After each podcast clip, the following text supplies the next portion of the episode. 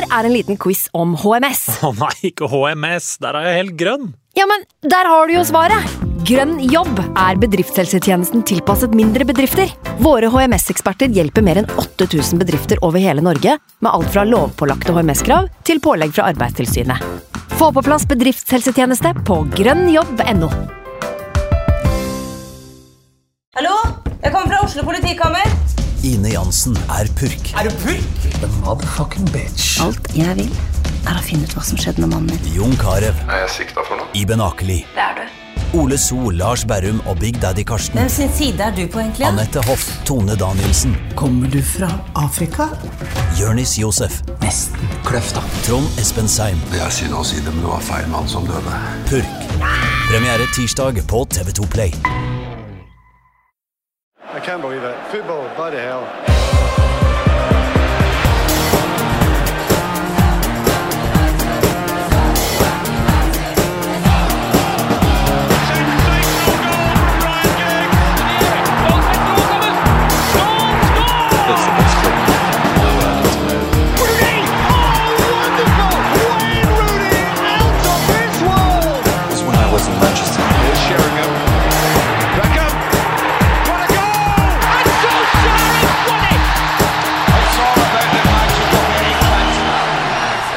Velkommen skal du være til atter en utgave av United We Podcast. Jeg heter Ken Vasenius Nilsen. I dag eh, til min venstre Anders Serener. God dag. God dag. Til min høyre Andreas Hedemann. Ja da! Hallo! Hei. Eh, I dag skal vi se litt på sesongens siste hjemmekamp mot Brentford, eh, som jo i det minste var en ok avskjed med Old Trafford for denne sesongen. Eh, og så skal vi se litt på de spillerne som Ten Hag kanskje kan stole på fra og med neste sesong. Og så har Andreas tatt en liten scouting-jobb for oss også, eh, så vi skal se litt på hvilke spillere han eh, tenker at kanskje kunne kommet inn. Så dette her eh, kan bli en ålreit runde med United We Podcast, men vi begynner på Old Trafford. Ehm, hvordan var stemningen hos dere før den siste hjemmekampen? Jeg var litt sånn Ja, jeg må vel se det, vel? Eh, men eh, energinivået var lavt før jeg skrudde på, på TV-en. det, det var liksom sånn siste, de siste dagene med antibiotikakur. Altså, jeg må jo bare, altså, det er jo ikke, Ja. Jeg trenger jo, men jeg må jo gjøre det. Det er ikke noe vits å hoppe av nå, liksom. Nei, det, er, det blir for dumt. Så kommer kløa tilbake. Eh, Så det er liksom, det var sånn det var. Det var en kamp som måtte ses, og så vil man jo så klart se liksom siste kamp på Old Trafford og avskjeder. Og, Ja. og det var det, altså. Ja. Det, det, var min, det var min motivasjon for å se denne kampen. Men en ok opplevelse når kampen først satt i gang. Ja, ja, definitivt. Jeg var redd, jeg. Ja, okay. start, Men det har jeg begynt å bli denne sesongen. Eh, Jeg har et pledd, jeg har kaffe, noe varmt i en kopp, sjokolade kanskje, fordi jeg er redd Ja. før hver kamp. Um, men det gikk jo kjempefint. Det Ja. var veldig gøy. En utrolig fin kamp, og det er jo nesten uh, ja, på grensen til frustrerende at eh, Bruno plutselig bare finner seg sjøl igjen, og alt klikker på plass når man putter Bruno til venstre og Mata i tieren. Mm. Der hvor han skulle ha spilt! Mm. I åtte år skulle Ja. han ha spilt der! ja. Istedenfor på høyreving, som han ikke er. Han er jo en tier, og det var han jo i Chelsea. Er, man blir jo nesten vemodig av å snakke om det og tenke på wasted potential, som har blitt eldre og eldre ut på høyre kant. Ja, Han kom jo til eh, Manchester United i sin såkalte prime, eh, midt i 20-åra. Mm. Nå er han midt i 30-åra, eh, og det er på en måte ferdig. ja. Og det kjøttet som har vært imellom der i sandwichen, har ikke vært så smakfullt heller, kanskje. Nei. I første kamp under David Moyes så ble altså Mata plassert på høyre ving, Ja, det var der det begynte, ja. og, og der har han blitt siden. En av de mange som bare aldri har fått det til på høyrekant Ja. i United. Mm. Den forbannede plassen. Ja, det er jo en forbannelse over den høyrekanten. Ja, det er det. Og jeg så Bruno i dag la ut på Instagram at han satt på med Mata på etter Carrington og ga han fem stjerner som en Uber-sjåfør. Eh, Det sier vel også litt om hvordan karrieren egentlig har gått i eh, United. Runder av rett og slett i Uberen der. Runder av Uberen, og jeg kan jo ikke tenke meg noe eh, deiligere Uber-sjåfør enn Juan Mata heller. Tenk så hyggelig, ja. det tror jeg er både hyggelig og ekstremt sikkert og trygt Ja, på det er trygt, og så tror jeg han holder kjeft. altså. Ja. Jeg, jeg tror han er en sånn fyr som Ja. han skjønner det. At det, det er mye stillhet. Jeg tror også at han ikke tar betalt. Jeg tror han bare gjør det som en hyggelig tjeneste. Ja. Eh, det var jo kanskje liksom det mest eh, hyggelige med hele lagoppstillinga når vi så den, var jo at Mata skulle starte. Jeg syns det var veldig hyggelig. Eh, det blir jo på en måte hans siste match eh, på Old Trafford. Mm. Um, og da er det jo litt fint at han starter på bekostning av Rashford, var det jo denne gangen, da, eh, sannsynligvis, med alle de skadene. Så det var vel egentlig det eneste som var litt annerledes med det laguttaket. Ellers var det jo ganske grei planke. Mm. Um, og så er det et annet eh, deilig øyeblikk uh, ganske tidlig i matchen, etter to minutter, så um, får Brentford corner, og den er det jo Christian Eriksen som skal gå ut og slå. Mm. Og da uh, blir det jubel og uh, klapping blant United-supporterne, som hyller da comebacket til Christian Eriksen. Og sånne ting, når det er sånn eh, sånne fotballøyeblikk på tvers av alle mulige supporterskarer, så er det jo ekstra deilig. Ja, det er sikkert folk som sager meg nå, men hvis det hadde skjedd med Trent Alexander Arnold under uh, mesterskapet, så hadde vi jo som fans gjort det samme, selv om vi spilte mot Liverpool. Ja. Det der handler om menneskelige uh, tragedier Ja. som er større enn fotball. Ja. Og det at han står der på de beina og uh, er så god som han er i Premier League nå, det syns jeg er helt magisk og rørende hver gang. Så ja, Jeg elsker også, vi har snakka om det før, men Brandon Williams-øyeblikket. Ja. Ja, det er så jævlig fint. det. De tingene der, det er det som er verdt å se på fotball for, ikke Qatar-VM i desember. ikke Qatar-VM i desember. Eh, Etter ni minutter så tar United ledelsen. Det er en lang ball fra Diogo Dalot eh, i bakrom. Der er eh, Elanga med enorm fart. Vel så enorm innsats for å rekke den ballen før den går, utover dørlinja. Det gjør han så vidt. Perfekt innlegg til Bruno, som står på blankt mål og kan eh, volde inn sitt 50. mål for Manchester United. Og det er vel ikke så gærent eh, for en midtbanespiller det på hva er det, to og en halv sesong? Nei, ganske imponerende, egentlig. Ja. Selv om denne sesongen har jo vært eh, Det, det har vært litt trått Ja. for Bruno, men til tross for det så har han jo bidratt med noen målpoeng. da. Altså Mm. det, det er nok lett å se kun på det negative der også. Så var det fint at han nå avslutter på en high, selv om det er litt sånn trist at det kommer så sent. på en måte. Vi hadde jo Ja. trengt dette litt før. Mm.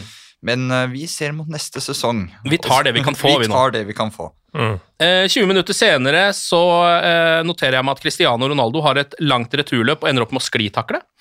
Eh, det tar vi også med oss.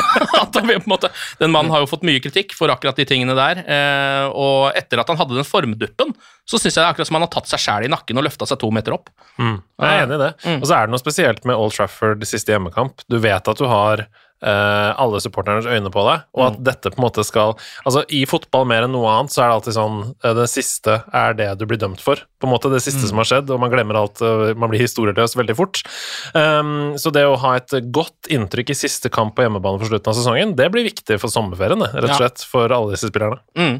Um, og så kan vi jo også ta med oss at Juan Mata jo holder på å score også, noen minutter senere. Uh, når han og Ronaldo driver og kombinerer seg vakkert gjennom med noe hælspark og noe flikker og noe greier. Eh, dessverre så må Mata bruke høyra, eh, og den går ganske hardt. eh, og har synes som perfekt høyde, men går litt utenfor. Det tror jeg hadde eksplodert ganske hardt på Old Trafford hvis han hadde skåret i den kampen. Jeg har aldri sett Juan Mata skyte med høyre før.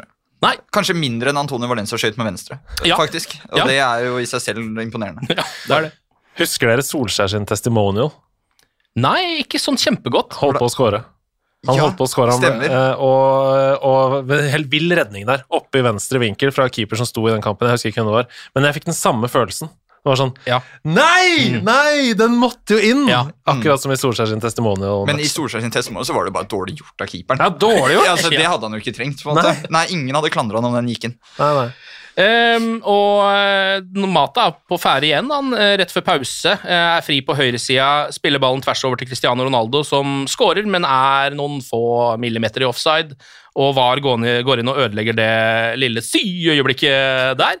Um, og så er det pause. Og etter pause så er jo Brentford litt mer med, vil jeg si, eh, egentlig. De har noen ja, Christian Eriksen har et frispark, de har liksom litt mer trøkk i spillet sitt. Ehm, og det er jo fortsatt bare 1-0, så det er liksom ikke helt sånn trygt. Det, det kunne fort blitt sånn ok, nå er det klassisk Manchester United igjen, liksom. Men heldigvis så skjer ikke det, fordi etter 60 minutter så vinner Cristiano Ronaldo en løpsduell mot Henry. Bruker musklene, bruker alt som er Cristiano Ronaldo.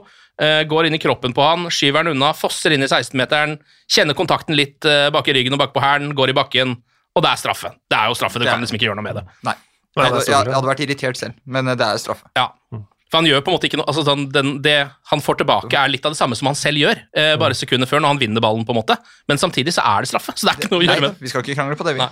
Det er bare klønete. Eh, og ja Jeg tror det er ingen som klikka av det heller, Nei, nei. på motstanderlaget. Absolutt ikke. Eh, Cristiano skårer sikkert, han. Eh, det blir, er 2-0, og hans 18. mål i Premier League denne sesongen, som jo er eh, ja, det, det er ikke noe vits å snakke om hvor imponerende det er, men det er helt ekstremt imponerende. Det er bare synd at ikke det er i en sesong hvor det også liksom hadde hjulpet på tabellplasseringen, for å si det på den måten. da. Men det blir nok en sesong da, på Cristiano Ronaldo over 20 mål. Mm. Eh, når var sist han ikke gjorde det? Vi diskuterte det før sesongstart, Ja. og da var det dilemmaet dilemma her som var sånn Kommer det til å være mer enn eller mindre enn 20 mål? Og nå har vi fasiten. Det ble mer enn 20 mål Mm. Ja. også. Med det skitne laget rundt seg, Ja. eh, så har han skåra 20 mål. Ja, og med all kritikken og med en liten eh, formsvikt og en periode hvor han faktisk ikke skårte noen mål. Eh, så det, ja.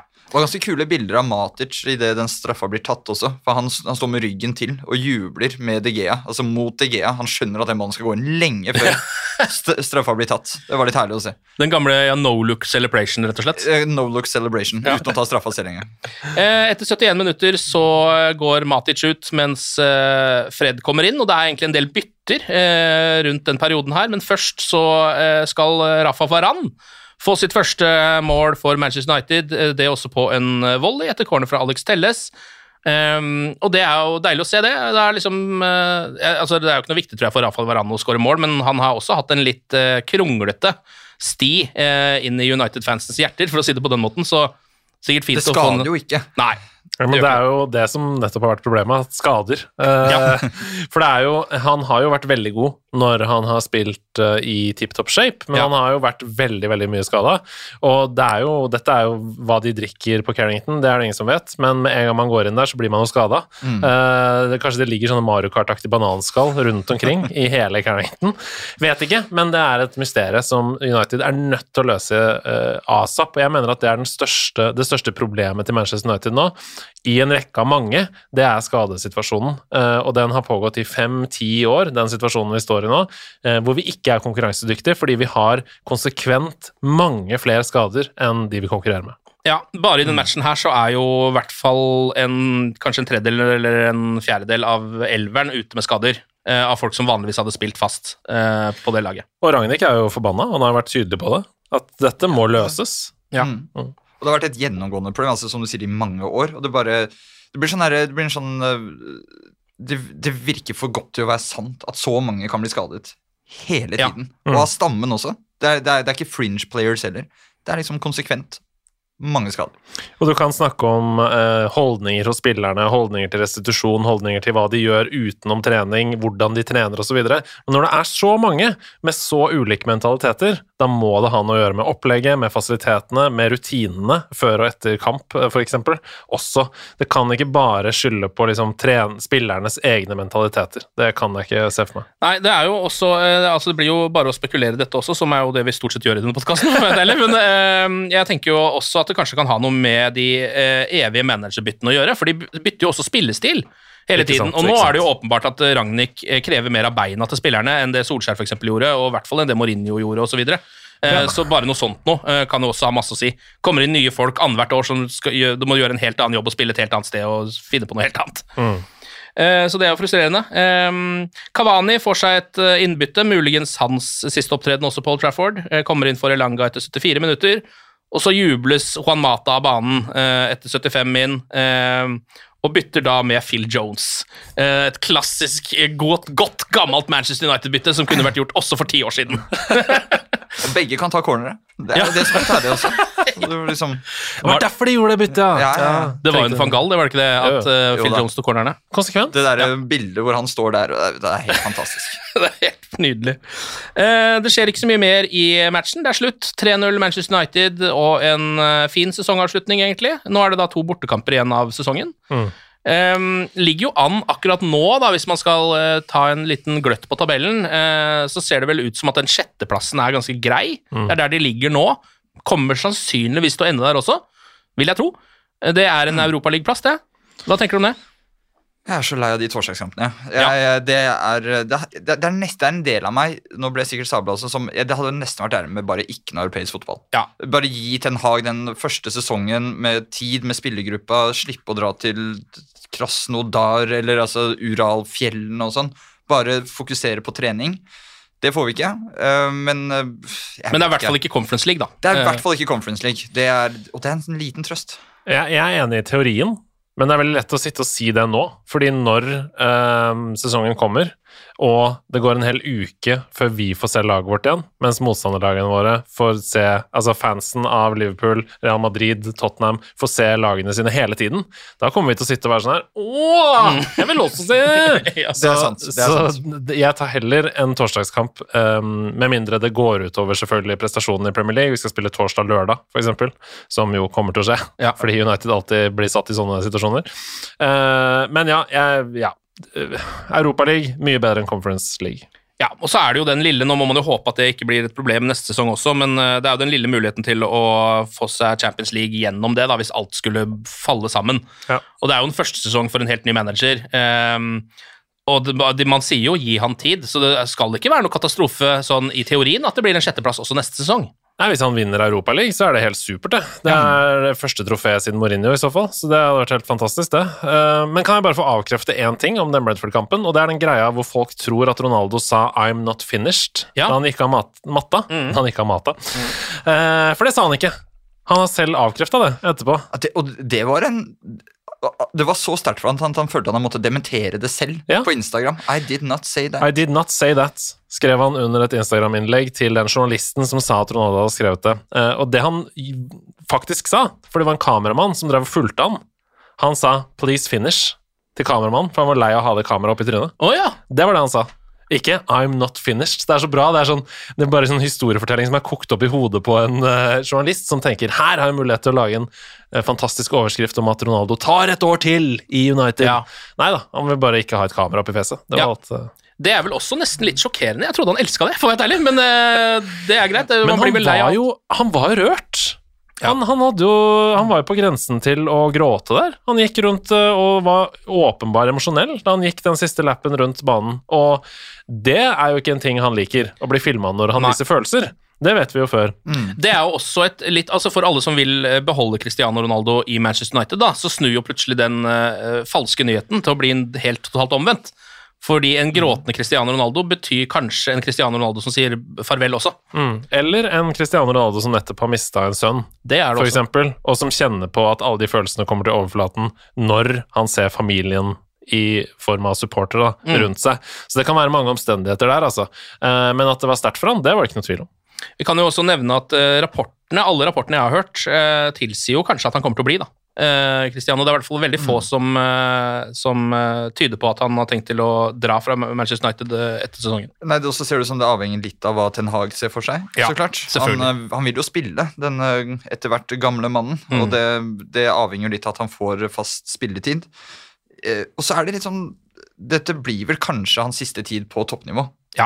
Og det vil også, Jeg vet ikke om det hadde noe å si for den emosjonelle men om det, altså, jeg tror ikke han går fra United til en ny toppklubb i Europa. Det ser jeg faktisk ikke for meg. Jeg ser for meg at etter hvert nå så vil den alderen innhente han uansett om han vil eller ikke. Ja.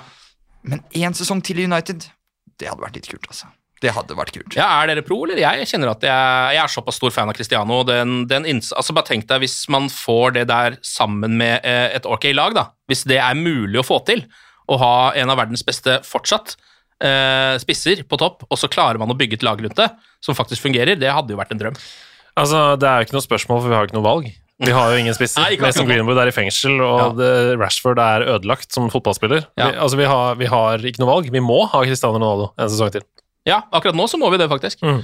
Eh, vi kan også ta med oss en av de spillerne som ikke ble bytta inn eh, i sesongens siste match på Old Trafford. Det er Jesse Lingard, en eh, mann som har vært i klubben i 20 år. Eh, og både han selv og broren eh, var ute og var ekstremt forbanna, virka det som, eh, for at han ikke da får Altså, han er jo også en av spillerne som sannsynligvis forsvinner. Og at han ikke da får liksom tatt farvel da, eh, med hjemmepublikum, på en måte, som jo er en litt sånn jeg, føler det nesten er litt sånn kutyme at det gjør man bare på en måte når man er manager. da. Eh, setter inn han istedenfor f.eks. Kavani, som bare har vært der. Ja. Men samtidig så tror jeg nok at det er en liten bakhistorie her også. og Den, er jo, den handler jo litt om at Lingard tilsynelatende har en sånn rød telefon på rommet sitt eh, som går direkte til alle redaksjoner i hele England. Ja, via Og- Paul og verden- Via gjerne Paul Scholes, eh, om man må. Og det kom jo nå også i går, så var det en siste lekkasje fra leiren hans om at han ikke engang ville snakke med Ten Hag. og at han, Det har nok vært, det er en grunn til at ikke han får spille den kampen. Mm. Ja, det er jeg helt sikker på. Jeg er helt enig. Ja, det, det ligger noe bak det. Og det der fra broren det kommer jo mens de fortsatt gikk rundt Paul Trafford og sier altså, Jesse Lingard, vi skal ikke glemme alt det kule og fine han har gjort, og FA Cup-finaler og ditten og datten og sånn, men han, han er ikke så god at han kan holde på med det der PR-kjøret der. Det mener jeg faktisk. Ja. Nei, nei. Squad player, liksom. Ja, han er Ja. vanlig squad-player. Han er God i Westham, squad-player i United. Og så Faen, den sutringa, altså. Ja, Det jeg blir så sur av det. Ja, det er um, Fader heller. Da unner jeg mat av det der 100 ganger mer. Ja, det tror jeg kanskje de fleste United-supportere gjør. Eh, Men jeg kjenner jo at hvis jeg skal prøve å sette meg i skoene til Jesse Lingard, da, som jo var en mann som hadde fått eh, revitalisert karrieren sin i Westham, og eh, sannsynligvis hadde et ganske stort håp om å bli der og fortsette å spille eh, fast Premier League-fotball, så blir han på en måte eh, tvunget tilbake til United av Solskjær. Sannsynligvis med en lovnad om at du kommer til å få en del spilletid. Det er jeg ganske sikker på. Hvis ikke så kan jeg ikke tenke meg at det hadde skjedd. Eh, og så får han ikke det i det hele tatt. Eh, og karrieren eh, bare går rett i dass igjen eh, i den alderen han er. da. Jeg skjønner han kjempegodt også, og så får du i tillegg liksom sånn Ok, men jeg har i hvert fall vært der i 20 år, de kommer vel i hvert fall til å klappe meg av banen når jeg skal ut av klubben. Så skjer ikke det engang. Det er ikke helt bra, altså. Nei, eh, altså mange mener vel kanskje at dette er Solskjærs eh, største feil, at vi ikke solgte han på det tidspunktet. Samtidig, hvis man skal være ultrakynisk, da, og da mener jeg ultrakynisk, så er de pengene vi ville fått for Lingard til Westham, småpenger. Og han forsterka Westham såpass mye. De var dritgode med Lingard. Han bøtta inn mål og var også delaktig i angrepsspillet. At det vi gjorde med å hente han tilbake, det var å svekke en konkurrent. Ja. Så dersom vi ikke bruker Lingard, så gjør det oss ingenting. Vi har råd Nei. til å sette han på benken eh, kontra å forsterke en konkurrent som Westham. Nå ligger jo også United og Westham faktisk også nesten helt likt på tabellen, eh, dessverre, på en måte, men eh, så du har jo kanskje rett sånn sett. Kanskje de hadde ligget over hvis de hadde hatt Jesse Lingard. Det tror jeg. Hvem vet? Ja, men Det er ikke mulig heller, vet du. Eh, han har jo i hvert fall sagt det at nå er han eh, Han er rett og slett desillusjonert, Jesse Lingard, eh, og eh, vil, som du eh, sa, Anders, eh, egentlig ikke snakke med Ten Hag engang. Jeg tipper de kommer til å ha en telefonsamtale, sannsynligvis, men eh, Jesse Lingard har vel bestemt seg for å komme seg vekk, tror jeg. Han skal bort. Han skal nok bort. Og han virkelig snakket med samtlige aviser i England i går. Og det, spesielt den der vil ikke snakke Er du 14 år, liksom? Vil ikke snakke med Ten Hag? Skal han stå med ryggen til? Altså, Han må jo snakke med fyren. Tenk om Ten Hag sier 'Jeg skal bygge laget mitt rundt deg'. Jeg vil ikke snakke med deg. Nei, Det er ikke interessant. Jeg tipper han har sett litt for mye på Drive to Survive og blitt inspirert av Lando Norris og sine Formel 1-venner og begynt å tenke sånn Ja, jeg skal være like cocky som dem. Uh, Han har jo hatt tid til å se på TV. Nei, det, så det er ikke mulig. ja. Eh, ok, eh, la oss snakke litt om Erik eh, Ten Hag. Da. Yes! Nå er det offisielt. Vi har snakka om dette allerede i noen podkaster, for det har vært offisielt en stund. Ja. Men dere har ikke vært her på de. Hei. Så hva tenkte dere da det ble klart? Det blir ikke Pochettino, det blir ingen andre, det blir Erik Ten Hag, tidligere Ajax-manager. Det var jo klart ganske lenge før det ble offisielt, Ja. så det var ikke den store overraskelsen. Um, jeg tenker at det er i utgangspunktet dødskult, men jeg er skikkelig bekymret for om dette er et nytt luftslott, eller om de faktisk mener det. Altså, er en, Da tenker du på styret og sånn? Da tenker jeg på hele sulamitten over han. For Ja. da, han er jo en managertype som vil trenge tid. Det vil ikke bli champagnefotball fra første serierunde neste sesong, tror jeg. Eh, og jeg er bare spent på når vi sitter her i studio om et år med en sjetteplass og krig om Conference League og sånn, om vi fortsatt tror på det prosjektet. Om, eh, om styret har gitt han lovnader og tid og alt det der. Ja. Jeg vet jo at jeg er en utålmodig fyr. Det vet jeg jo, det tror jeg egentlig alle som hører på denne podkasten, egentlig er. Uh, Vi er fotballsupportere, Ja, tross vi er fotballsupportere. Ja. Men denne gangen her så er det inni meg en helt annen type følelse. Fordi nå, nå driter jeg litt i det, hvis du skjønner hva jeg mener. Hvis det går dårlig nå, ok, det kan nesten ikke gå dårligere enn denne sesongen her uansett. Så hvis det går dårlig nå, så er jeg villig til å gi det en sjanse til. Jeg er villig til å kaste masse penger på det, selv om det går dårlig, i to, tre, fire sesonger. Fordi eh, hva er alternativet, da? Mm. Alternativet er å hente Guardiola eller Klopp. Det er ingen tilgjengelig som er bedre enn Erik Den Haag, eh, når man ser på hans track record ute i Europa. Eh, så det, da er det noe feil med klubben. Da er det ikke noe feil med manageren. Ja. Så hvem er vi, liksom, til å sitte og halshogge manageren hvis det går dårlig, tenker jeg. Vi må bare, nå må vi bare, vi har ikke noe valg. Vi må bare fortsette å støtte dette prosjektet. Og, og så trenger vi ikke å gjøre det heller, for det finnes så mange eks-United-spillere som kommer til å ta den jobben for oss. Ja, Det er Eh, det verste, ass. Hva er det de så det, holder med? det der kommer til å gå helt uh, fint. Men, så, nei, altså Min eneste frykt er at vi sitter her om et år, og så er det uh, Scholes med Nikki Butt som assistent, og vi snakker om at ja, kanskje de burde få en permanent avtale, liksom. Altså, Nå har det jo virkelig tatt seg opp. Nei, jeg tror ikke det kommer til å skje. Min, min største frykt er at det er kjedelig å se på. At vi kommer tilbake til Fangal hvor det er dritkjedelig å se United-matcher. Fordi det er ikke derfor jeg ser på fotball, for at det skal være kjedelig. Eh, jeg er ikke så opptatt av om vi vinner eller taper den første sesongen, fordi, som du sier, må, være, må gi han tid. Men jeg, jeg er opptatt av at det skal være underholdende å se på. Og hvis det fører til at det svinger i resultatene i starten, så vil jeg heller det eh, mot at jeg har det gøy når jeg ser fotball, Mm. enn at det er jevnt kjedelig, og at vi har et poengsnitt på 1,9 eller noe sånt. Mm.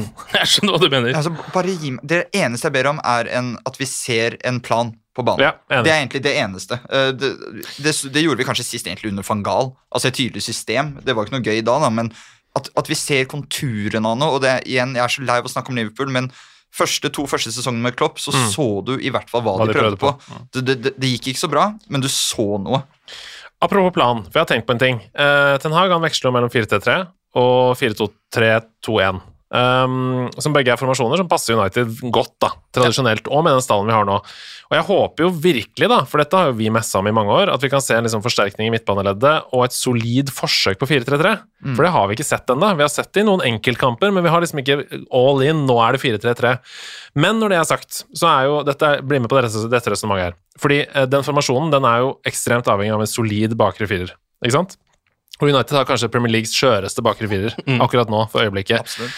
Og i den forbindelse så har jeg tenkt på at Ajax er jo helt fundamentalt bygd rundt Daily Blind. Ikke sant? Uh, han fungerer som en sånn serverende maestro. Veldig mye angrepsspillet til Ajax begynner hos Blindt, eller går via Blindt.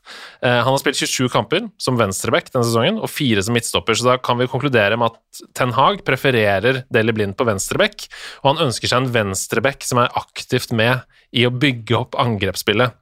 Og det er jo verken Shaw, Telles eller Brandon Williams er den spillertypen. Eh, Så generelt er mitt spørsmål til dere Trenger vi A. Mer spillende forsvarere? Eh, Eller holder det med Lindeløf og Varan i par? Jeg tror vi trenger eh, mer spillende backer.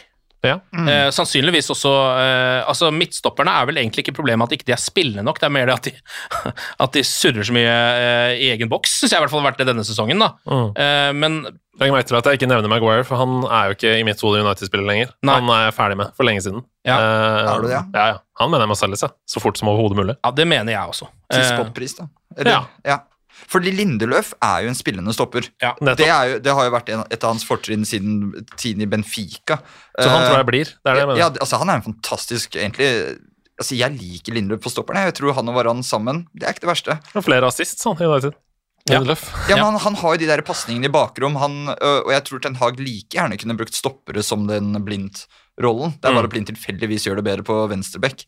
Uh, det sagt så tror jeg nok at en ny stopper også vil komme inn. Mm. Uten at jeg har et klart navn foran meg nå. Nei, vi kan jo nesten begynne å titte på dette, fordi eh, ifølge eh, Jason Burt i The Telegraph eh, så har Ten Hag allerede identifisert en stamme. Eh, United.no som skriver om dette. En stamme på ca. åtte spillere som han føler at han kan stole på å bygge laget rundt. Og Hvem disse spillerne er, det sies det ingenting om. Eh, Det eneste som nevnes rent sånn konkret når det kommer til navn, det er at han eh, vil forsøke å finne ut hvorfor Harry Maguire er bedre for England enn han er for United. Eh, og eh, prøve å finne ut hvorfor eh, Marcus Rashford ikke leverer. Det må han på en måte gjøre uansett, da. Mm. Det er jo en sånn, ja det, Dessverre så er jo Harry Maguire kaptein i Manchester United, så om man skal frata ham det bindet, eller om man bare skal selge han, uansett så må han på en måte prøve, han må gi det et forsøk da, med sine managerferdigheter og se om han kan gjøre noe med det. Jeg glemmer at han er kaptein, ja. Ja, han er kaptein. Faen. Ja. Han er det. Det er så Eh, et problem. og da har det jo blitt spekulert i hvem disse eh, åtte navnene, cirka åtte navn som det står, kan være. Eh, United.no-redaktør Dag Langerød har spekulert litt på United NO. Han nevner David Hea. Det føles jo eh, ganske riktig ut. Hvorfor skal man bytte han ut, bortsett fra at han ikke er en spillende keeper og ikke en eh, sweeperaktig keeper? Jeg tenker Tom Heaton er mannen å satse på. Ja, ikke sant? Ja, men den er liksom Det må være det, ja. Det er, vel, altså, det er altfor mange spillere som må byttet seg til at man kan begynne der, tenker jeg da. Nei, det må være det, ja. Rafa Varan eh, nevnes, eh, litt fordi han egentlig er en verdensklasse midtstopper, og han er såpass ny i Manchester United eh, at hvordan fungerer han i et litt mer komfortabelt lag, det vet man jo ikke. Eh, Så derfor så tenker man vel bare at han er bra nok. Er dere enige? Ja. Ja. Uten tvil. Eh, Luke Shaw blir nevnt. Ja, ja, altså inntil for bare for halvannet år siden så var han jo en av verdens beste venstrebacker. Så um, det, den spilleren bor i Luke Shaw, så jeg er helt enig i at vi må beholde han. Og så kommer noe som er litt kontroversielt, eh, og det er at Dag også eh, setter ned McFred, altså hele komboen McFred. Både McTominay og Fred. Mm. Og det er jo en, en duo som har fått veldig mye kritikk. Nå har Fred vært forbanna god denne sesongen, da, syns jeg. Mm. Mm. Uh, McTominay har ikke det, egentlig. Han har vært eh, ned. Men de to ned. sammen har Ja. jo vært ganske bra. Og Ja. nå, Ja. nå husker jeg ikke, men jeg så noen statistikk på at eh, United med og uten McFred er ganske to vidt forskjellige historier. Mm. Og så, ja, Nå ble jeg sånn simpel igjen, men McTominay er i hvert fall en spiller som har lyst. Mm. Eh, Det har jeg sagt mange ganger her. Eh, Han, han gjør noe på banen. Eh, Det han gjør, er ofte sidelengs pasninger og sånn, litt kjedelig. Men han, eh, det ville vært rart å kvitte seg med han. Mm. Ja, Der hvor Fred har tatt eh, steg i riktig retning, har jo McTominay tatt tilsvarende steg i feil retning denne sesongen. Så Ja. de har på en måte nulla ut hverandre i utvikling. Mm. Men jeg er helt enig med deg, det er ikke McTominay vi skal fjerne. Eh, når vi har så mange problemer i det laget her, da er det ikke McTominay som er først på lista. Nei, enig. Eh, Donny van de Beek blir nevnt. Det er jo både overraskende og ikke. Han er jo en eh, Ajax-mann, eh, så det er ikke så rart at eh, Ten Hag kanskje vil ha med seg han og tenker at han skjønner hvordan fotball han vil spille. Samtidig så har han jo ikke eh, verken spilt eller levert noe som helst for Manchester United mens han har vært her. Men han var dritgod i Everton da, i første match. I én Ja. kamp, ja. Ble banens beste i ja i, første kampen. det var én kamp. Ja. En kamp var det. Uh, var det Ten Hag som solgte han i sin tid da? Det er jeg faktisk ikke helt sikker på, men det, Det kan, det kan at, vel tenkes, ja. Det må vel nesten ha vært det. Ja. Jeg- Så jeg kan ikke se for meg at eh, B kommer til å bli eh, noen nøkkelspiller neste sesong. Eh, Men igjen, det som er litt hyggelig med fotballen, er at eh, ting kan overraske. Det hadde vært utrolig hyggelig om han ble i hvert fall et fast inventar på en eller annen måte. Mm. Og ikke bare han fyren som blir funnet av kameraene på benken med sånn der desillusjon, sånn helt borte blikk. Ja. Og som kaster tyggis hardt i bakken og sånn. Ja, ja, det trenger vi mindre av, Faktisk. Men jeg er helt sikker på at Ten Hag henter han hjem igjen. Det tror jeg også. Ja. Eh, hvis han skal snakke med, med andre spillere i den, eh, og finne ut av Rashford, for eksempel, så har han jo lyst til å finne ut av, van de Beek òg. Så å, å prøve van de Beek en sesong sammen med Ten Hag som en squad player, som kanskje kan spille seg inn og begynne å levere Problemet er jo at han er tier, og det er jo også Bruno Fernandes Ja. og vi andre. Sett ham på høyrekant. Men Nei takk. Uh, nei, men jeg, men jeg tror ja, Vi kommer litt tilbake til det, men jeg tror at han kommer til å prøve han på midtbanen i en 4-3-3. Bruno Fernandes er vel bankers. Uh, Han er en av spillerne som uh, i hvert fall Dag Langerud tror er blant de åtte. Eh, Og så er det Jaden Sancho eh, og Cristiano Ronaldo, men da er det ni navn. Eh, Så et ett av disse navnene har da Ten Hag sannsynligvis ikke tatt med i sine beregninger. Da er det uh, Fred Elmark McTominay. Det tror kanskje jeg også. Da vil jeg tro det er McTominay. I hvert fall hvis man skal se på form. Eh, vet jeg ikke hvor opptatt Ten Han- Ten Hag er av det, men jeg har troa på Fred som en del av en United-midtbane neste år. Uh, rent Ja, det tror jeg vi alle har. All right, eh, vi kan ta noen rykter før uh, vi skal se litt på din scouting, uh, Andreas. Fremtiden! Ja, fremtiden. Eh, det, det virker som at det er denne sommeren Manchester United må kjøpe Declan Rice hvis det skal gjøres, fordi de fleste konkurrentene har andre prioriteringer, som det heter. Så det er ikke noen av de andre liksom, storlagene som går etter Rice etter rapportene, da. Denne sommeren. Eh, han blir jo ikke noe billigere uansett, men eh, han blir sannsynligvis bare dyrere, fordi når det bare er United som skal ha, så er det bare å jekke prisen opp på topp med en gang.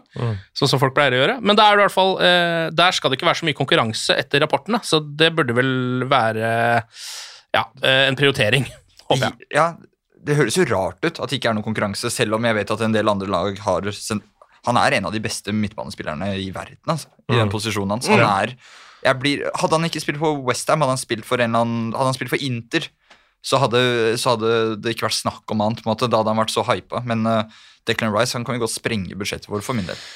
Jeg har et problem. Og det er at eh, jeg er helt enig med deg for et år siden. Og jeg var helt enig med deg allerede i vinter. Men nå er det så mange hull i Manchester United-laget, og vi har så store problemer i så mange posisjoner, at jeg tør ikke å bruke så stor del av budsjettet på én spiller. Jeg glemmer at du har et budsjett foran deg. Ja, du, du har gjort dette. Ja, nei, det, altså, jeg er helt enig. Jeg tror at Rice kan bli vår van Dijk. Altså en spiller som eh, er først på blokka i hver eneste kamp. Men du kan ikke vinne en fotballkamp med én spiller heller. Det er sånn, jeg, jeg sliter med å se at vi kan prioritere å kjøpe Altså, bare kjøpe to spillere. Ragnhild har sagt det. Vi trenger sju-åtte, har han sagt. Uh, nye spillere. Declan Rice vil koste over 100 millioner. Det har vi ikke mulighet til. Ikke dette vinduet. Er det noe lån vi kan ta opp, eller noe sånt? Jeg vet ikke. Det er jo mulighet for å selge ganske mange spillere. Da. Vi får se Ja. hvor mye spenn man eventuelt får Det for blir det. mye, altså det må jo bli frigjort en del midler i, i, bare i lønn. Ja. Altså jeg, skjønner at det ikke blir nok lønn til en Declan Riis, men eh, altså, det er mange som skal ut når det Ja, jeg tenker på joken av en regel som heter Financial Fair Play. Da. Eh, det er det, først og fremst det jeg tenker på når det gjelder å kjøpe spillere og sånn. Um, Fins det lenger? eh, ja, gjør det ikke det? En sovende lov? Jeg, jeg tror ikke det går an å bli dømt for det. Jeg tror det er litt som å eh, ta seg en pils i parken, på en måte. Ja, ok, ja. Ja. Men uh, ja. Eller sekssekundersregelen Ja. eh, for keeper. Ja, ja, Ufrivillig hens. det er litt sånn. Ja, nei, nei det, men ja, det er i hvert fall min måte, analyse. At uh, vi har så mange steder vi må fylle, at jeg har ikke råd, rå, til å bruke over 100 på én spiller. Eh, Lautaro Martinez har blitt nevnt i ryktespaltene i det siste. Eh, det er snakk om at United kanskje vil prøve å bytte Martial og betale noe penger imellom. Eh, der er det flere klubber som er interessert, bl.a. Arsenal. Eh, og han har vært ganske klar på at han vil ha seg en klubb som spiller i Champions League. Så ja, vi får se hva som skjer der. Det er en god spiss, iallfall. En god spiss med mye energi. det kan trenges. Sånn han har vært sinnssykt kul signering. Ja. Mm. Ja, det var dødsgrann Han har noe litt sånn derre um, mini-Aguero over seg. Ja, det det. og så har han sånn personlighet som jeg tror ville passet i United. Ja. Og United gjør jo faktisk byttehandler. Mm. Jeg føler at det også er noe som egentlig ikke skjer så mye på overgangsmarkedet. Og la oss være ærlig, Martial er ikke blant de åtte i kjernen heller. Nei, det er det er absolutt ikke. Så det hadde også gått fint. Ja. Eh, Aron Van Bissaka ryktes tilbake til Crystal Palace igjen. Eh, det spekuleres i at det kanskje blir et lån fordi han har så forbanna høy lønn, og det er jo et generelt problem når United skal selge sine spillere. At det er jo ingen som vil gå derfra fordi de kommer til å tjene mindre penger. Mm. Så vi får se hva som skjer der, eh, men det er vel da Og det har man vel sett denne sesongen nå, at han er kanskje ikke høyrebekken til Manchester United uansett. Tror ikke det, gitt. Nei, Nei, tror ikke det, gitt. Juan Mata har litt å velge mellom, virker det som, eh, og det eh, er, det er litt deilig å høre. eh, Og kanskje det hjelper jo litt på at han har spilt ganske bra eh, i de to siste kampene, i hvert fall. Valencia, Real Betis og Real Sociedad er de alternativene som blir eh, nevnt, og det er jo eh, spanske, ja, relativt store klubber, iallfall. Perfekt for han, tenker jeg. Det hadde vært hyggelig med en Valencia-retur. da. Det Ja. hadde vært litt sånn fotballromantisk hyggelig. Jeg er helt enig. Og så sikkert mange Uber-muligheter i Valencia også. Så Også fint også å gå til Betis og spille sammen med masse andre gamlinger, som Joaquin og hele den gjengen der. Ja, men det er det. Hvis du ser på folk som spiller på høyre da, i det internasjonale markedet, spesielt høyre ving Nå er ikke Mata høyre ving, men så er det ganske få. Det er Ja. ganske få som er gode og som er dyre, liksom. Så det å få en solid fyr med masse erfaring inn, som kan gjøre en jobb i garderoben, og som kan være en slags farsfigur eh, et par sesonger i en spansk klubb i toppnivå der, det tror jeg er helt konge. Mm. Både for Mata og for klubben. Da har vi eh, sett litt på de navnene som Tan Hag kanskje vil beholde. Vi har sett litt på eh, noen rykter. Eh, så Andreas Hedemann, eh, nå er ordet ditt. Eh, fortell om dette prosjektet du har satt i gang. Du, det er ikke så Aller først så tenkte jeg bare Har dere snakka om Ragnhild som konsulent? Fordi han fikk jo plutselig jobb som eh, landslagssjef Ja. Østerrike. Vi snakka litt om det i eh, forrige pod, bare om det kom til å kollidere på noen måte. Ja. Em, men vi ble vel litt enige om at den konsulentjobben sannsynligvis ikke er en 100% jobb uansett. Det eneste jeg er litt sånn, jeg synes det er litt sånn, så United-stoltheten min liker ikke helt at, at det er en fyr som er sånn Ja, jeg kan titte litt på United i helgene, eh, for ellers så har jeg ikke tid, på en måte. Men jeg vet ikke. Jeg synes det er hysterisk hvordan den rollen, den konsulentrollen der bare har blitt minsket fra han signerte. Altså Han skulle Ja. gå inn og ta for seg på en måte restrukturering Ja. og overganger til noe sånn Han titter innom et par dager i uka. ja. Etter hvert. Det er jo helt, hva er det han skal? Nei, han, han er Han- ikke i Manchester United i løpet av seks til ni måneder. Det er jeg helt sikker på. Ja, garantert. Det er, Helt sikker på at ja. Ragnhild ikke er ute av klubben. Jeg tror kanskje den konsulentjobben er litt det han faktisk gjør nå. Ja. Eh, altså det å være ærlig med eh, hvordan troppen og garderoben funker. Mm. Og så bare gå og si det. 'Dette funker ikke', liksom. Eh, og dette er det jeg har fått med at det ikke funker. Ja. Eh, nå stikker jeg. Prøv å fikse opp i det sjøl. Ja. Men, men vil ikke, kan det bli noen sånne interessekonflikter og sånn? Hva, om- absolutt. hva om United skal hente en østerriker, da? Og så Ja, blir det lands, problemer, landslagssamling, og så bare kommer de der oppslagene der. Det er Vi- en oppskrift på skit. Ja. Du hørte det her først. Han er ikke i Manchester United i det vi skriver 2023. Det er jeg helt Ja. sikker på. Ok, eh, Ja. tilbake til Det var en sesong for noen år siden hvor eh, Erik Thorstvedt sa det famøse sitatet om Tottenham. Eh, de har solgt Elvis og kjøpt The Beatles, eh, sa de. For da, da solgte de jo Gareth Bale, og så kjøpte de fem spillere for å erstatte han. Ja. Eh, og det gikk jo skikkelig dritt. Ja. Men det er Det er litt sånn vi må tenke denne sommeren. Dette selger du inn bra. Nei, men vi må kjøpe bra og smart, og vi må ikke kjøpe så drita dyrt. Um, så jeg har tatt for meg et budsjett på 170 millioner, og så har jeg spilt football manager, rett og slett, og sett på de ulike posisjonene og tenkt hva slags spillertyper er det Ten Hag liker, basert på Ajax, men også uh, hva, hvordan kan vi finne miksen mellom nasjonalitet uh, og ikke minst alder, og, um, og talent da, eh, Mm. inn i de forskjellige, sånn at det ikke bare blir gamlinger eller bare unge. Eller, ikke sant? Alt det der. I fjor så hadde vi jo det hele sjukeste sommervinduet på noen på, på årevis. Ja. Altså Ronaldo, Sancho, Varan, ikke minst Tom Heaton. Som vi snakket om Mm. ja, ja, ja. Eh, og det må sannsynligvis bli enda sjukere i år. Det må jo det. Mm. Uh, så hvem kan vi drømme om i de ulike posisjonene? Jeg har først skrevet, tatt midtstopper. ja. Eh, og jeg, det er nok uh, ingen navn her som er nevnt sånn heftig i ryktespaltene, og det liker jeg godt. At, det- at det er litt sånn annerledes her. Ah, Først og fremst William Saliba i Marseille. Ja. Beist er midtstopper, 21 år, eh, spillende, med ball i beina, har fysikk og potensielt også spilleforståelsen til van Dijk. Jeg tror også han er veldig rask. Ja, for det er det jeg mener. Han har, han har van Dijk-kvaliteter. Han er bare veldig ung, så han må bare jobbes inn i et system. Men han er også fransk, så det å spille med Varan mwah, Ah. mwah, Ja, Der har vi en duo som kan levere meget store pakker, tror jeg. Eh, og så må han kjøpes nå før prisen skyter i været, for han er, eh, er heit og har levert veldig veldig bra for Marcel. Og jeg tror vi kan få han til 15-20 millioner euro. Ja, det høres ut som eh, et kupp, det, egentlig. Gjør det ikke det? Jo, jeg, jeg er solgt. Ja, så bra. Ja, ja, ja. Men alle disse spillerne nå, bare gå på YouTube, skriv navn, så skriv sånn uh, Player highlights, et eller annet. Det er, det er gøy. Ok, venstrebekk. Vi skal til Milan. Ja, er det Theo Hernandez? Det er Theo Det Hernandez. er Theo. Ja. Theo Hernandez. Hva tenker du? ja, Han eh, virker forbanna god, rett og slett. Eh, og kanskje spesielt framover. Mm. Eh, er jo en mål, målfarlig eh, venstreback. Eh, Ref det jeg nevnte om blindt, ikke sant? Ja, har Mm. også en voldsom fart og fysikk, har vel egentlig absolutt alt. Mm. Men jeg tror han er en ganske Nå vet jeg ikke, men jeg ser for meg han er en ganske ettertrakta venstreback. Men jeg vet ikke om det er så mange andre storlag som skal kjøpe venstreback nå, så kanskje det er mulig. Er han sånn spiller Jeg så for meg han mer sånn en sånn god variant av Alexander Butner. Altså, oh, ja. ja. At han var mer pace og rett fram, men han er kanskje mer spillende. Ja, jeg, han er nok eh, mer aggressiv, mer ha telles i huet, liksom. Vil fram og skyte og sånn. Uh, men hvorfor ikke? Vi Ja, trenger, hvorfor litt, vi trenger litt action. Ja. Eh, 24 år, gått gradene i Atletico Real før uh, gikk til Milan. Og jeg tipper også at man kan få han for et sted mellom 30 og 40 Ja. millioner euro. Ja. Um, så det er fortsatt ikke over 50 for én enkeltspiller. Nei, det er bra, det Det her. er bra. Ja. Ok, høyrebekk. Uh, Åh, dette er deilig. Nå mista jeg manuset her. Der er vi. Jeg slenger rett og slett Matty Cash inn i miksen. Oi, oi, oi. Se på han. Okay. Se på han, du! Ja, hvorfor ikke? Ja, eh, altså eh, Ja, eh, Matty Cash har jo vært eh, bra. Han har kanskje begynt å ligne litt mye på Graylish rent utseendemessig, men det kan man jo ikke Det trenger er ikke å spille dårlig for. det er 2022, altså. Eh, men jeg så han derre eh, Nå glemmer jeg hvor han spiller, men Dumfries. Ja. Ja. Han så jeg Inter. Ja, i Inter. Han ble faktisk på ekte kobla her om dagen.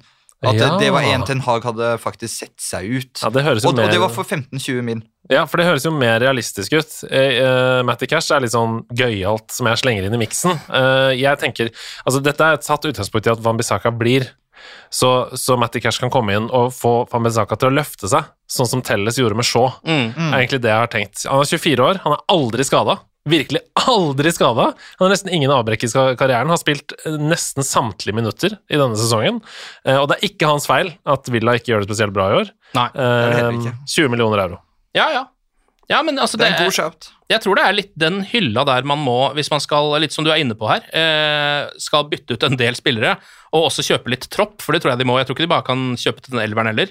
Nei, nå, det er jo det, Altså, Ragnhild sier det om igjen og om igjen, og hvis vi skal snakke om den konsulentrollen hans, da, og at han har faktisk noe han skulle ha sagt, så må vi jo lytte til det han sier på pressekonferansene. Vi trenger en bredere stall, sier Ja. han jo hele tiden. Ja. Vi skal konkurrere i flere turneringer. Se på Liverpool, de konkurrerer i tre turneringer og har ingen skader. Se på oss, vi konkurrerer i én og har halve laget ute. Ikke sant? Ja. Han driver og sier det. Så da må vi kjøpe spillere som Matty Cash, da. Ja, ja. Eh, eneste er vel, problemet er vel eh, at han er brite og derfor liksom bare blir dyrere. Ja. Og at han er spiller i Premier League fra før og derfor bare blir dyrere. Ja. Men uh, bortsett fra det, så syns jeg ikke det er, det er ikke noe dårlig forslag, det. Nei.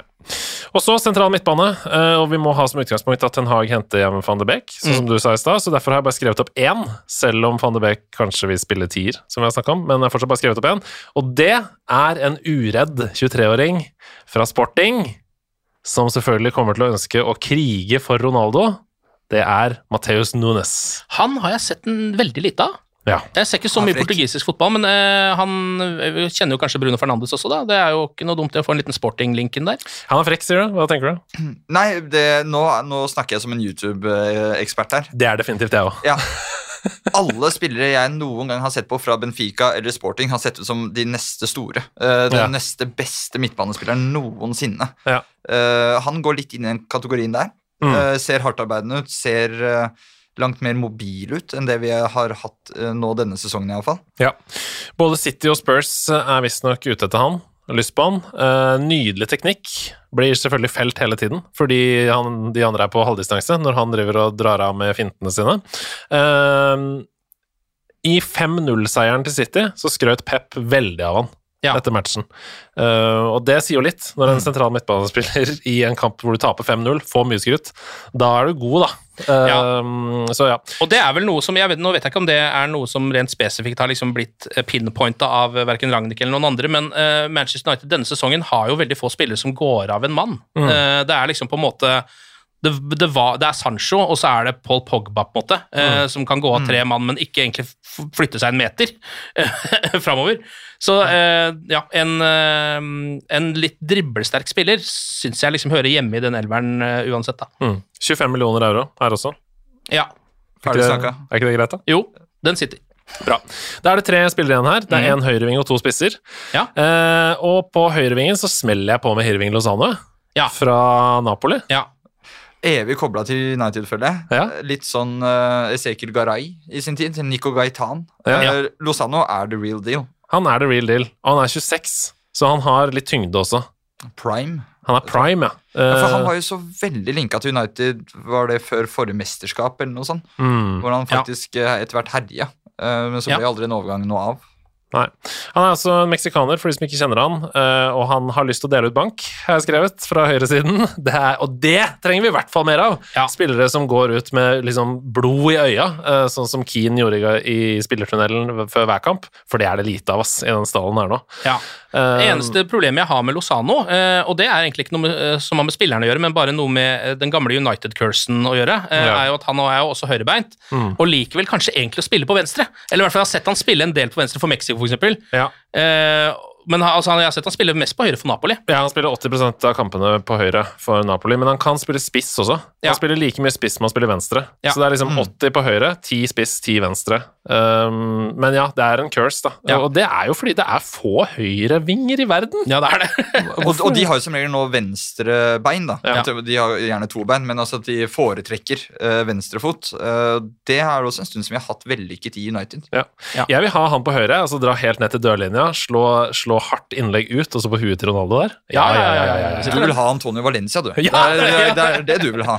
Bare at det skal forbi førsteforsvarer, da, gjerne. Det innlegget. Um, 30 millioner tror, vi, tror jeg han ligger på. Ish. Det er kanskje litt mye, men uh, i hvert fall. Jeg har, uh, jeg har slengt han i miksen, så får man se. Ja, men det er, hvis det er ett sted de trenger å bruke litt penger, så er det jo på høyrevingen. fordi eh, For det første så er jo offensive spillere dyrere eh, veldig ofte enn eh, mange av de andre plassene. Eh, og så er, har det vært et problem så lenge at man liksom ikke kan gå for halvveise løsninger lenger heller. da. Du må Mm. liksom på en måte litt, en, på en litt eh, opp og litt på hylla Mm. når du skal finne en høyreving. Ta Di Maria, for eksempel. Ja. Du må litt oppi der. ja. Ok, to spisser eh, er de siste som er på lista, og her, vi, United er i en vanskelig situasjon her, fordi spisser er de største egoistene i verden. Det vet vi. Spisser ønsker å hyll, bli hylla og ha spotlighten på seg hele tiden. Vi har Cristiano Ronaldo.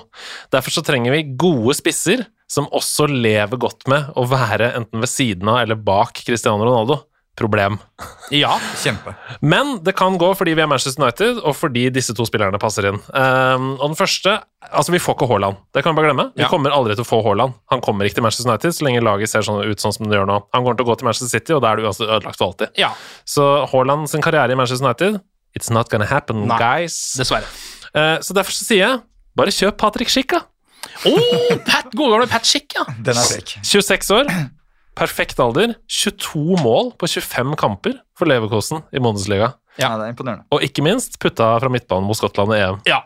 Eh, det holder for meg, det. Ja, men han, altså, han er eh, Jeg liker Patrick Schick litt, for han er, en, han er litt sånn eh, jeg får en, Han er en litt mer tankete Berbatov. Altså, han er egentlig Mm. ganske teknisk, eh, men litt større og litt mer muskuløs, og kan eh, gi litt mer i lufta, kanskje. Ja, Altså, er han undervurdert? Ja. Altså, 22 mål på 25 kamper, det er nesten et mål i snitt. Ja. Det er dritbra Mm. i et lag som Leverkosen. Det er jo ikke liksom assistkonger i Leverkosen. Nei. Nei, men det, vet Ja, hva, de- det synes jeg det er et spennende forslag. Jeg har sett veldig lite i Leverkusen i år, eh, så her skal jeg være tyst. Men eh, jeg, det er en kjempekul spiller. Ja. Eh, som sagt, Prime, 26 år. Men, og dette er det mulig det blir en meme av, for han her har vært i Premier League før. Men jeg legger huet på blokka, og så ber jeg Ten Hag ta med seg Sebastian Haller. Ok, å dæven, ja, den eh, Han var visst så vidt innom sist eh, pod, fordi da hadde, kommet, hadde ryktene begynt å gå eh, om at eh, United snuste på Haller. Vet ikke om det er noe i de ryktene eller ikke, men det er jo fordi han var eh, ja, den, liksom, den som skjøt Ajax til alt, da, under Ten Hag. Det er en spiller her, ass. Vi kan få han for 25 millioner euro. 20 mål på 28 kamper i Eresdivisie Ja. i år. Det er også bra. Ja da. Uh, glemte jeg prislappen på, på Schick, forresten. 35 millioner, tror jeg, Ja. for Schick. Mm. Og 25 da, for Haller. Så 60 millioner for Haller og Schick som to spisser sammen med, sammen med Ronaldo? Ja takk, sier jeg, da. ja. Jeg vet hva, jeg Og, jeg og det er overgangsplanene dine går jo veldig i tråd med det Ragnhild sier. Altså det, nå må United hente spillere som ikke er helt der oppe ennå, men de som skal bli. De som skal opp dit. Ja. Kanskje Haller er en sånn type. Det er jo sånn man bygger de laga der. Da. Det er jo det eh, både Liverpool og City har gjort også. De har jo på en måte ikke eh, gått og henta Messi og Ronaldo, og så har det liksom gått bra derfra. Det er jo ikke, De har jo henta en, eh, en midt på markedet Mohammed Salah eh, og Luis Diaz, på en måte. Ja. Det er jo det man må. Og her har vi da altså sju spillere til pluss-minus 170 millioner euro. Ja.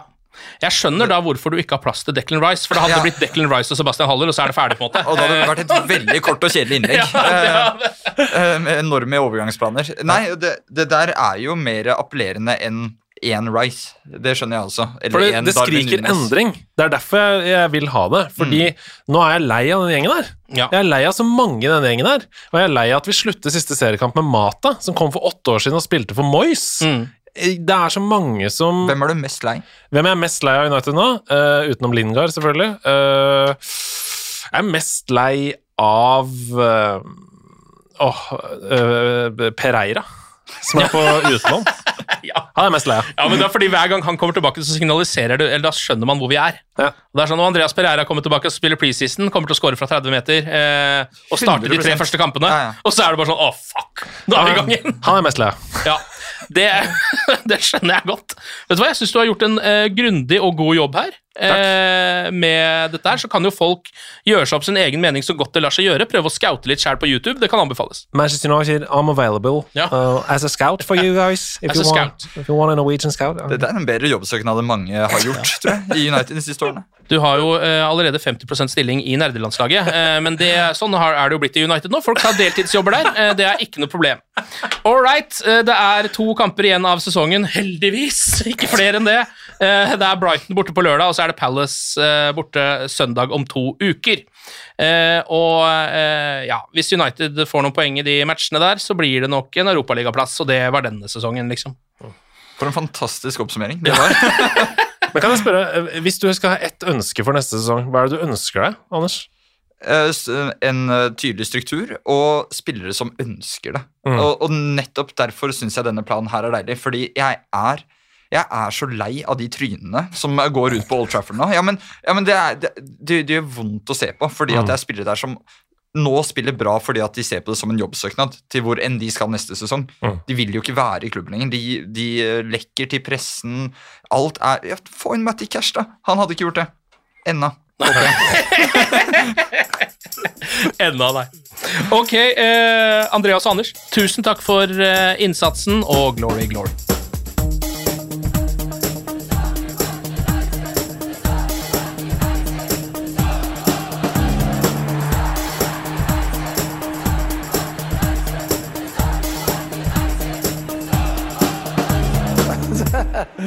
Oh, true. I've seen many things. Moderne media. Ukens annonsør det er matkasseleverandøren Hello Fresh. Der kan du velge mellom 25 ulike oppskrifter hver uke, eller få Hello Fresh til å sette sammen en meny for deg. Jeg sparer tid på å handle, oppskriftene er veldig enkle å lage, og så får jeg akkurat det jeg trenger da, til hver eneste rett, så jeg slipper å kaste så mye mat som jeg vanligvis gjør. Det er også litt deilig å faktisk slippe å gå på butikken, ikke bare fordi det er tidkrevende, og sånn, men fordi man ender opp med å kjøpe så mye greier som man egentlig ikke trenger, sånn som fire poser eh, Smash og en Kick med havsalt, eksempel. Det er ikke det du egentlig er der for, du er der for å kjøpe, kjøpe middag. Så det er en veldig eh, kjekk ting. I tillegg så er det jo eh, ferdigporsjonerte ingredienser, det blir mindre matsvinn, og du betaler bare for det du faktisk trenger, og det du faktisk da spiser. I tillegg så blir det da levert på døra til et fastsatt tidspunkt, sånn at du kan få det akkurat når det passer for deg eh, sjæl. Hvis Hello Fresh høres ut som noe for deg, så har jeg en rabattkode du kan bruke også. Gå inn på hellofresh.no og bruk koden HelloUnited24. HelloUnited i ett ord, også 24, og få opptil 1779 kroner i rabatt på de fem første matkassene dine hvis du ikke har prøvd Hello Fresh ennå. Du kan også bruke koden hvis du tidligere har vært kunde, men har stoppa abonnementet ditt for tolv måneder siden eller mer. Det er ingen bindingstid, og du kan pause eller avslutte abonnementet ditt akkurat når du selv måtte ønske. Husk koden HelloUnited24, og bon appétit! Ukens annonsør er Folio, en smartere banktjeneste for deg som har en egen bedrift eller ønsker å starte for deg selv. Folio er en superenkel nettbank for bedrifter. Som kunde i Folio får du en bedriftskonto med et bedriftskort og app. I denne appen er det smarte løsninger som forenkler regnskapet ditt, uansett om du har en liten bedrift eller et enkeltpersonsforetak. Folio er både intuitivt og brukervennlig, og er laget med et enkelt språk. I tillegg tilbyr de forutsigbare priser og ingen skjulte gebyrer. Skulle du likevel trenge det, så kan du snakke med deres raske og hyggelige kundeservice, og der får du prate med en faktisk person og ikke en chatbot. Folio er med andre ord både enklere og koseligere enn banken. Over 10 000 bedrifter har allerede valgt Folio som sin banktjeneste, så besøk folio.no og se hvordan Folio kan forenkle din hverdag også. Har du et enkeltpersonforetak eller en liten bedrift? Da er du sikkert lei av å høre meg snakke om hvor enkelt det er med kvitteringer og bilag i fiken, så vi gir oss her, vi. Fordi vi liker enkelt. Fiken superenkelt regnskap.